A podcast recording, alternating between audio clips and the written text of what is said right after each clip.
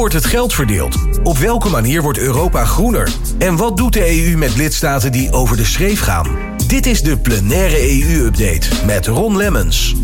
Welkom bij de plenaire EU-update van vrijdag 7 oktober 2022. Met daarin de volgende onderwerpen. Er komt één universele Europese oplader voor mobiele apparaten zoals telefoons, tablets en laptops. Daar heeft het Europarlement deze week goedkeuring voor gegeven. Met de standaardisering van de oplader zorgen we voor gebruiksgemak voor de consument, verminderen we het elektronisch afval en pakken we de marktversnippering aan in de Europese Unie. Sinds het uitbreken van de coronapandemie wordt door de Europese wetgevers gewerkt aan een gezondheidsunie.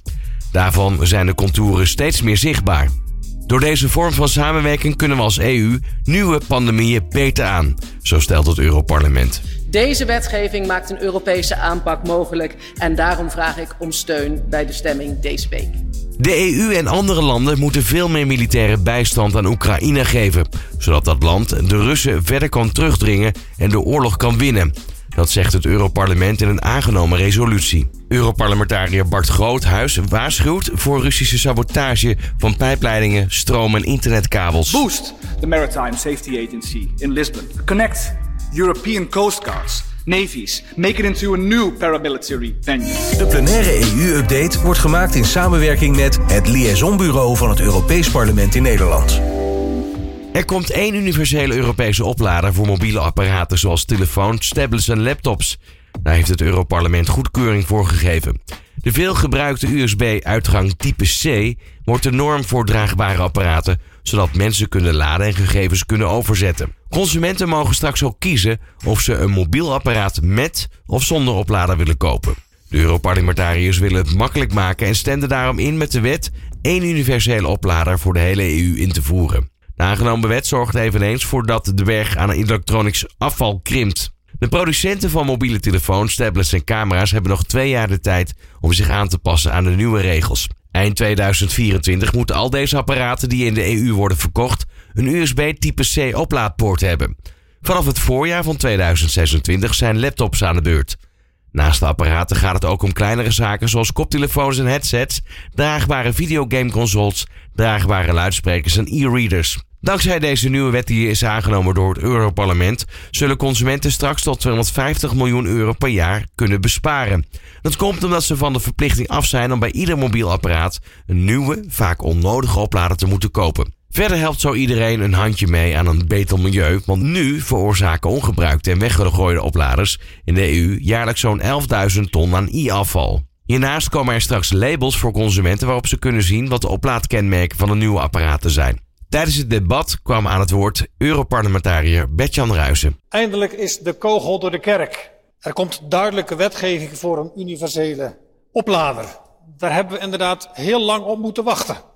De commissie heeft er echt heel lang over gedaan om invulling te geven aan de wens van het Europese parlement. Ik denk bijvoorbeeld heel, heel concreet aan het amendement van collega Manders uit 2009. Zeker ook een deel van het bedrijfsleven was vanwege eigen belang aanvankelijk geen voorstander. Met de standaardisering van de oplader zorgen we voor gebruiksgemak voor de consument, verminderen we het elektronisch afval en pakken we de marktversnippering aan in de Europese Unie. Zoals de Europarlementariër Bert-Jan Ruijsen al zei, stelde het parlementslid voor het CDA Twan Manders al in 2009 een universele oplader voor. Toen werd hij niet serieus genomen, zo zegt hij nu. Toen ik in 2009 dit voorstel deed, wat toen niet echt serieus werd genomen door mijn collega's, eh, toen kon ik niet bevroeden dat alle radiostations in 2022 hiermee zouden openen in de Europese Unie. Eindelijk is hij er in 2022, de, in ieder geval het besluit, de universele lader. En pas over een aantal jaren wordt hij ingevoerd. Waarom moet alles zo lang duren? Waarom duurt het zo lang? En dan heb ik een aantal vragen die ik me stel. Er zijn er eigenlijk twee. Wetgeving is één, handhaving is twee, controle. Hebben de multinationals te veel invloed, te veel macht, of heeft de Europese Commissie te weinig macht? Want dit had in 2011, toen het in de trialoog werd aangenomen, unaniem, had dit al lang een, uh, een vaststaand feit moeten zijn. Maar een tweede belangrijke les, voorzitter, die ik hieruit trek is, wij als Europa moeten ons veel meer bezighouden met onderwerpen die de burgers aangaan, die ze herkennen, die ze begrijpen. Anders zou het niet op alle radiostations vanmorgen geopend zijn. Dit is de plenaire EU-update op Nieuw Business Radio. Sinds het uitbreken van de coronapandemie wordt door de Europese wetgevers gewerkt aan een gezondheidsunie waarvan de contouren steeds meer zichtbaar worden. Door deze vorm van samenwerking kunnen we als EU nieuwe pandemieën beter aan, zo stelt het Europarlement. Ook krijgt het Europees Centrum voor Ziektepreventie en Bestrijding, het ECDC, meer bevoegdheden. De Europarlementariërs keurden deze week de uitbreiding van het mandaat van het ECDC goed. De afgelopen tijd werd daarover onderhandeld met de lidstaten. Het centrum moet meer ruimte en bevoegdheden krijgen, zo stelde de Europese Unie eerder voor. Met de aangenomen wet moet de EU beter kunnen handelen bij een uitbraak van overdraagbare ziekten en die nog beter kunnen voorkomen en aanpakken. Het ECDC gaat nauw samenwerken met de Europese Commissie, de EU-landen en verschillende EU-instanties om tot een gezondheidsunie te komen. Die zal dan slagvaardig kunnen handelen als er weer een gevaarlijk virus de kop opsteekt. Door de coördinatie van het ECDC kan informatie sneller worden uitgewisseld en worden procedures gestandaardiseerd. Ook zal het centrum erop letten dat de zorgstelsels van de lidstaten een uitbraak van overdraagbare ziekten kunnen opsporen en voorkomen. De instelling kijkt er dan ook naar of de zorgstelsels erop kunnen reageren en ervan kunnen herstellen. Verder zal het fouten signaleren en wetenschappelijk onderbouwde aanbevelingen gaan doen. Daarnaast heeft het Europarlement ingestemd met een voorstel dat ervoor moet zorgen dat de EU beter kan reageren op zogenoemde grensoverschrijdende gezondheidsbedreigingen. Er komt een betere preventie, paraatheids- en responsplanning op nationaal en EU-niveau.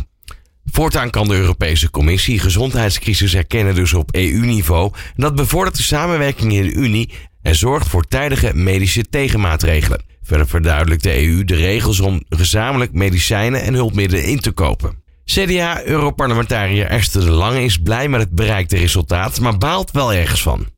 Het meest trots ben ik in dit onderhandelingsresultaat op het feit dat continuity of care, het voorkomen van uitgestelde zorg, verplicht wordt meegenomen in de voorbereidingsplannen van de lidstaten. En je hoeft maar naar de rapporten te kijken over te laat gestelde diagnoses van bijvoorbeeld kinderkanker om te weten waarom dit een prioriteit was van het Europees Parlement. Ik wil zeggen waar ik het meest van baal. Ik baal het meest van het feit dat mental health, geestelijke gezondheid, niet verplicht wordt meegenomen in de nationale voorbereidingsplannen. Wij hadden dat als parlement graag gewild en de raad werkte daartegen. Volgens mij hoef je maar vanuit Straatsburg te kijken om te weten dat in heel Europa dit meer aandacht behoeft. Tot slot, wat ik het meest vrees. Wat ik het meest vrees is dat de raad bij een volgende pandemie toch weer terugvalt op die nationale reflex. De conferentie over de toekomst van Europa heeft laten zien dat de burgers dat niet wensen. Deze wetgeving maakt een Europese aanpak mogelijk en daarom vraag ik om steun bij de stemming deze week. Dank u wel. Dit is de plenaire EU-update op Nieuw Business Radio. De EU en andere landen moeten veel meer militaire bijstand aan Oekraïne geven, zodat dat land de Russen verder kan terugdringen en de oorlog kan winnen. Dat zegt het Europarlement in een aangenomen resolutie. De Russische nepreferenda en vier Oekraïnse gebieden zijn wat het parlement betreft nietig en de dreiging met kernwapens onverantwoord. Verder tonen de explosies in de Nord Stream gaspijpleiding aan dat de EU deze infrastructuur beter moet gaan beschermen. Het Europees Parlement kwam woensdag bijeen om de actuele toestand in en rond de Oekraïne-oorlog te bespreken. Deze bespreking werden knopen doorgehakt die in een resolutie aangenomen zijn. De meerderheid van het parlement wil dat de EU en andere landen nog meer militaire hulp geven aan Oekraïne, vooral op gebieden waar Kiev om vraagt. Aarzelende lidstaten moeten een deel van de militaire bijstand gaan bieden, wat de oorlog helpt te verkorten. Los daarvan stellen de Europarlementariërs dat de EU zich niet moet laten intimideren door Russische dreigementen met nucleaire wapens. Ze waarschuwen dat die dreigingen gevaarlijk en onverantwoord zijn, ogend op de mogelijke effecten ervan. Mocht Rusland in Oekraïne kernwapens inzetten, dan moeten de EU-landen terugslaan, al dus het parlement middels een snelle en doortastende reactie. Vorige week hield het Kremlin referenda in deels bezette Oekraïnse provincies en daags daarna lijfde president Vladimir Poetin ze in bij Rusland. Het Europarlement stelt dat deze schijnreferenda nietig zijn en roept de EU-landen op tot nog hardere sancties tegen Rusland. Iedere poging van de Russen om aanvallen op bezette gebieden te zien als een aanval op Rusland zelf is onwettig en ongegrond, al dus het parlement. Het zal de Europese Unie niet afschrikken van meer hulp aan de verdediging van Oekraïne. Moskou mobiliseert ten onrechte onschuldige burgers en bewoners van bezette Oekraïnse gebieden en breekt zo het oorlogsrecht, al dus de Europarlementariërs. Door de mobilisatie is een ongebreidelde stroom vluchtende Russen ontstaan die de omringende landen treft. Daarom moet de Europese Unie hulp bieden aan Georgië, Armenië, Kazachstan, Oezbekistan en Kirgizië. Er moet ook een ad hoc internationaal tribunaal komen waar de oorlogsmisdadigers kunnen worden vervolgd, al dus het parlement. Ten slotte is er nog de beschadiging van de Nord Stream gaspijplijn in de Oostzee nabij Denemarken en Zweden. Er wordt gespeculeerd dat een staat de dader is, maar 100% zeker is dat nog niet. De explosies laten zien hoe gevaarlijk het beleid was om afhankelijk te zijn van Russisch olie en gas, al dus de parlementariërs. Met de actie in de Oostzee is het gebruik van energie als wapen naar een nieuw niveau getild. Europarlementariër Bart Groothuis waarschuwt voor Russische sabotage van pijpleidingen, stroom- en internetkabels. For the past 10 years, Russia has invested significantly in its capability for deep sea water research or the sabotage capability as we know it. For the past three years, Russia deliberately disconnected itself from the internet twice without severe consequences for its own economy or society. In the end of this year, internet cables were cut in Norway, Svalbard, where EU Galileo's ground stations are present. And all this time, this House asked for action, swift action. Last week, two, not three, four times, Nord Stream 1 and Nord Stream 2 were sabotaged. And this morning only, President von der Leyen announced a new plan, a new plan against, to protect our critical infrastructure below sea. She announced satellite surveillance, stress test and more cooperation. Well, dear colleagues, that's not even close not even close to what is needed. This House has the ideas what is needed, and we will put them forward in the next couple of months, and we hope to cooperate with you, dear Commissioner. Boost the Maritime Safety Agency in Lisbon. Connect European coast guards, navies, make it into a new paramilitary venue.